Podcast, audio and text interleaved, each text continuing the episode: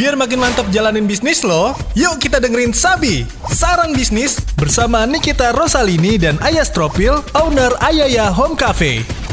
Tipsnya adalah di dunia ini kan gak ada hal yang selalu pasti ya. Apalagi di dunia bisnis pasti ada sukses, kadang gagal gitu kan. Dan ketika kita menemukan kegagalan itu kita tidak perlu atau tidak boleh untuk terus diam di situ saja guys. Tapi kita harus terus berjuang guys, berjuang dan berjuang. Karena dengan kegagalan kita tuh banyak belajar kayak Iya. gitu. Jangan putus asa karena kita itu hidup emang harus terus belajar dan terus berjuang karena Iya. kita nggak tahu ya tiba-tiba kalau misalnya kita terus berusaha terus belajar siapa tahu nanti di masa akan yang datang kita akan sukses secara tiba-tiba gitu kan kan gak ada yang tahu rezeki Betul, orang betul. ada yang Iya. sudah ada yang mengatur dan jangan lupa juga untuk terus konsisten untuk melakukan bisnis itu Itu dia Sabi, saran bisnis di Motion FM. Dengerin terus tips bisnis lainnya only on Motion 975.